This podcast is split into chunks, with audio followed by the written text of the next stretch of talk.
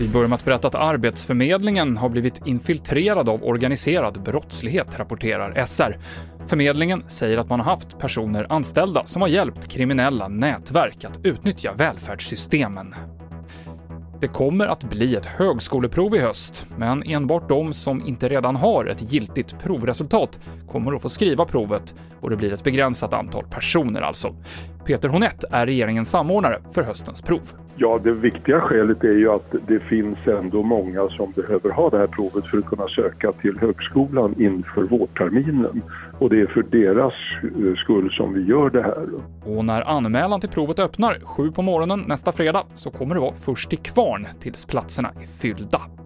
Och Island stänger barer och nattklubbar i Reykjavik för att hejda smittspridningen av corona. Många av de nya coronafallen kopplas just till huvudstadens nattliv. Idag har upptäckts 21 nya fall, vilket är den största ökningen på Island sedan i april. TV4-nyheterna med Mikael Klintevall.